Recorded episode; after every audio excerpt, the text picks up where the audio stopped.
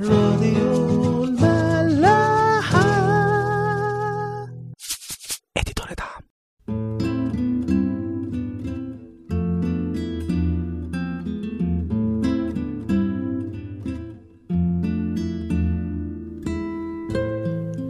مساء الخير في حلقة جديدة من حلقات عيش وملح. بصراحة بشكل شخصي دايما بحب أختار أكتر عبارة أو أو جزء صغير من الجزء الكبير أو الحدث الكبير الخاص بالحلقة وبحب إن إحنا ننطلق فيه ونتأمل فيه و. لكن الزيارة بتاعة نيقوديموس والحوار اللي دار ما بينه وما بين شخص المسيح حسيت إن هو دسم قوي وإنه فعلا يستحق إنه وإحنا بنقراه طول الوقت نبقى بنقف عند كل سؤال وعند كل رد لأن الحوار بالرغم إنه كان سلس جدا إلا إنه كل عبارة سواء سؤال أو رد بتحمل فكر معين وراها. نيقوديموس قرر إنه يبدأ الحوار إنه يطلع شخص يسوع إن هو مدرك إنه أكيد أكيد يا رب أو أكيد أكيد يا يسوع. أنت مش زينا أنت أكيد جيت للعالم ده وأنت متعلم جاهز كده زي ما بنقول لأنه مش طبيعي إن يكون حد زينا يكون على القدر ده من العلم ومن الإيمان. يسوع رد عليه قال له إن كان أحد لا يولد من فوق لا يقدر أن يرى ملكوت الله. ده طبعا كان رد إلى حد ما غريب أو مش مفهوم بالنسبة لنيقوديموس لرد عليه رد في منتهى البراءة وقال له إزاي ممكن يتولد الواحد وهو شيخ؟ هو ينفع إن هو يرجع تاني بطن أمه؟ مسيح بيرد عليه بيقول له الحق الحق أقول لك إن كان أحد لا يولد من الماء والروح لا يقدر أن يدخل ملكوت الله. أكتر حاجة بتفرق معايا هنا في إنه دايما دايما ربنا عنده بعد آخر للحاجة أو لأي حوار بيدور ما بينه وما بيننا هو دايما على قد ما بيبان إنه الحوار ما بيننا بسيط وإنه زيه زي ما أكون بتكلم مع أي شخص حواليا أهلي أو أصحابي إلا إنه دايما عنده إجابة مختلفة عنده بعد أعمق من الحاجة. يعني هنا نيقوديموس كان بيقصد الولادة اللي هي من بطن الأم عادي جدا المتعارف عليها بس المسيح دايما عنده حاجة جديدة يعلمها لنا. وهنا بيقول لنا لأ اكسروا شوية القوالب. مش زي ما العالم بيصدر لكم كل صورة يبقى ناخدها زي ما هي. الولادة مش فقط هي الولادة الجسدية. تعالوا معايا أنا عندي ولادة من نوع آخر من نوع جديد. بيكمل يسوع كلامه بيقوله والمولود من الجسد جسد هو والمولود من الروح هو روح. بيفرق معايا كمان قد إيه المسيح بيبقى مصر إن هو يوضح لنا كل حاجة. بالرغم إن هو بيبقى عنده بعد أعمق أوقات كتير بنفتكر إن البعد ده معقد أو إنه حاجة كده محلقة في السماء وروحانية جدا إحنا مش هنفهمها إلا إنه لأ. هو دايما بيقدر إن ده مهما كان طلعنا أو نزلنا إلا إنه عقل بشري. هو بيقصد إن هو يوضح لنا كل حاجة. وبمنتهى السلاسة الجملة واضحة جدا. في الأول يعني لحد آية خمسة لو كنا قرينا كان برضو الموضوع هيبقى بالنسبة لنا غريب أو صعب. لكن في الآية رقم ستة هو بيقول المولود من الجسد جسد هو. يعني لو أنت قررت إن أنت خلاص يبقى بالنسبة لك إنه ولادتي الوحيدة هي الولادة اللي أنا جيت من خلالها من بطن أمي لهذا العالم خلاص لو أنت دي نظرتك الوحيدة عن الولادة أو عن المجيء لهذا العالم يبقى خلصت. يبقى زي ما أنت جيت من جسد هتفضل جسد. لكن لو قررت إنه يبقى المجيء الحي بتاعك أو المجيء الجديد بتاعك وتواجدك أو السبب الحقيقي لتواجدك في هذا العالم يكون روح أنت هتفضل روح ألا وهو أكثر أبدية وأكثر قيمة قطعا. الجزء اللي بيقول والمولود من الروح هو روح باين قوي قوي حتى في طريقة صياغة العبارة سواء في الآية دي وفي أي آيات تانية ليها علاقة بالروح القدس بشكل عام باينة قوي إن هي تفرق عن إن الجسد جسد هو. يعني مثلا في في أشعياء الكتاب بيقول روح السيد الرب علي. لأن الرب مسحني لأبشر المساكين. أرسلني لأعصب منكسري القلب لأنادي للمسبيين بالعتق والمأسورين بالإطلاق. هو ده الفرق ما بين النتيجة اللي بيحصل عليها من هو مولود من الروح ومن هو مولود من الجسد.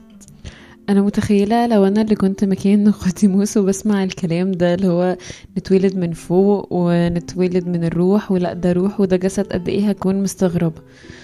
بس أوقات كتير قوي بحس إن في ناس بتتكلم الكلام ده بمنتهى السلاسة بتبقى لمساه قوي وأنا بحس نفسي إنه هو أنا يعني أقل منهم روحيا وكده ومش لمسة قوي في الوقت المعين ده الكلام الجميل قوي ده. بحس إن ربنا أكتر واحد مع إن ناس كتير قوي ممكن تشوف إنه أبعد واحد بس أنا بحس إن هو بيبقى أقرب وأكتر واحد بيبقى قادر يحتويني وبيقول لي زي ما قال لنقيدموس لا تتعجب أني قلت لك ينبغي أن تولدوا من فوق. هو بيجي يقول لي ما تستغربيش ما تتعجبيش. استني هنتكلم هوضح لك أكتر. ده بيفرق معايا قوي في شخص ربنا بشكل عام. بحس إنه مش بنوصل للمرحلة دي إلا من خلال تواصل حي جدا. مش لازم إن العلاقة تكون ساعتها في منتهى القوة بس على الأقل تكون حية يكون في طرفين للحوار. ادي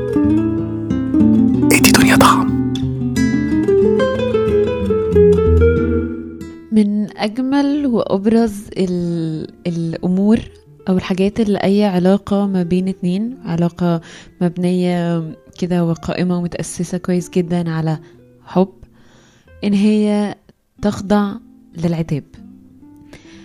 قريت كمية أقوال مأثورة قالها علماء نفس وعلماء اجتماع آه، عن قد إيه العتاب ممكن يبقى حاجة بمثابة نقطة محورية في علاقة؟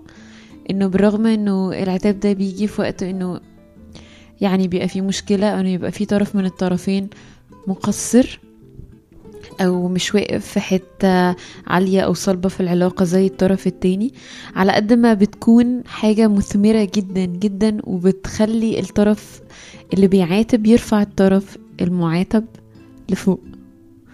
وإنه قد إيه بيبقى حاجة قوية جدا إن يبقى في عتاب وحاجة في منتهى الصراحة والقوة والوضوح والتعليم و و و. معرفش ليه شفت يمكن دي أول مرة يعني شفت إنه رد يسوع على نيقوديموس لما قال له إزاي وإزاي ممكن يحصل اللي أنت بتقوله ده يا رب؟ إزاي ممكن حد يتولد من فوق؟ طب إزاي فجأة إن زي ما المسيح قال له الريح تهب حيث تشاء وتسمع صوتها لكنك لا تعلم من أين تأتي وإلى أين تذهب. هكذا كل من ولد من الروح. نيقوديموس استغرب جدا وقال له كيف يمكن أن يكون هذا؟ بشوف إن المسيح من الآية عشرة للآية 12 بيوجه عتاب لطيف جدا وراقي جدا لشخص نيقوديموس. يسوع قال له أنت معلم إسرائيل ولست تعلم هذا. أوقات كتير قوي بنحتاج أو بننسى نفسنا وبنحتاج إن ربنا يجي يقول لنا افتكر مسؤوليتك افتكر مكانتك. مش تفتكر إن أنت معلم إسرائيل افتكر إن أنت ابنه. أوقات كتير قوي بيقول لنا خلي بالكوا في حقايق وحاجات مهمة جدا جدا ومحورية في علاقتنا.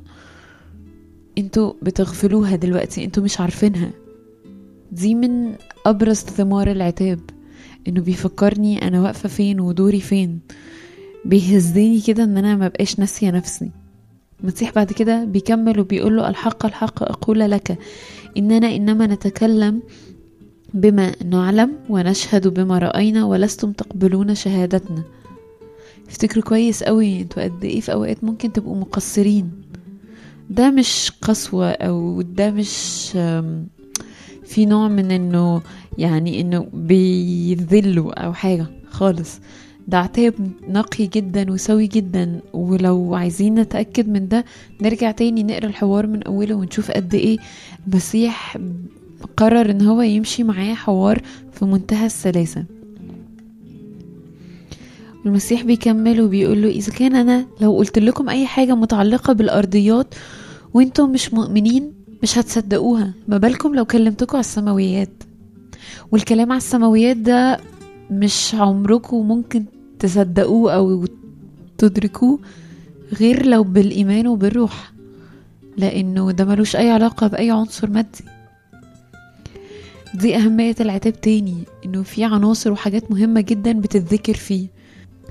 من أبرز الحاجات المتوفرة أو الصفات العظيمة المتوفرة في شخص الله إنه دايما بيبقى موجود علشان يفكرني. في أكتر وقت أنا ببقى بنسى فيه أو ببقى عايزة أنسى فيه. أو بقرر إني أستسلم لحاجات تانية وأفكار كتيرة سلبية معتمدة على الفكري البشري وكفى. هو بيبقى أول حد موجود علشان يفكرني. ده شفته موجود في آية 14 يسوع قال لنيقوديموس كده وكما رفع موسى الحية في البرية هكذا ينبغي أن يرفعه ابن الإنسان لكي لا يهلك كل من يؤمن به بل تكون له الحياة الأبدية.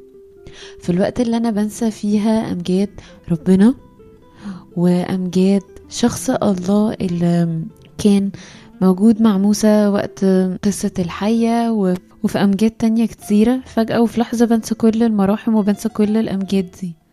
هو بيبقى موجود علشان يفكرني. آخر جزء في في هذا الحوار هو ما فرقش معايا قد ما وجعني شوية. يسوع بيقول فيه وهذه هي الدينونة إن النور قد جاء إلى العالم وأحب الناس الظلم أكثر من النور لأن أعمالهم كانت شريرة لأن كل من يعمل السيئات يبغض النور ولا يأتي إلى النور لئلا توبخ أعماله. حاسة إنه هو بيقول لنا أنتوا اوريدي النور موجود وجالكم وأنتوا قررتوا إن أنتوا تحبوا الضلمة علشان الضلمة هي اللي بتنفعكم. أنتوا شايفين إن الضلمة مناسبة أكتر لأعمالكم أو لسلوككم اللي بيتطلب إن يكون في ضلمة وإنه بيتطلب إن يكون في ظروف مظلمة معينة يستخبى وراها. مع إن هو ما قالناش كده. يعني الإله اللي بيقول لي إن انتي نور العالم أنا بقول له لأ شكرا أنا مش نور العالم ده أنا بحب الضلمه أبقى إزاي أنا أصلا نور؟ يعني أبقى إزاي أنا أصلا كيان مضيء وأنا أصلا بحب الضلمة علشان هي بتنفعني أكتر. نفسي قوي نبقى باستمرار نبقى بنرفع قلوبنا إنه نبقى حابين قوي النور. بس ما نبقاش حابين النور اللي هو فيه ظهور وألوان وكده قدام الناس لأ نبقى حابين النور المختلف قوي بتاع ربنا. نبقى بنقول له علمنا إزاي نظهر وعلمنا إزاي نستغل النور اللي جه العالم بمجيء ابنك.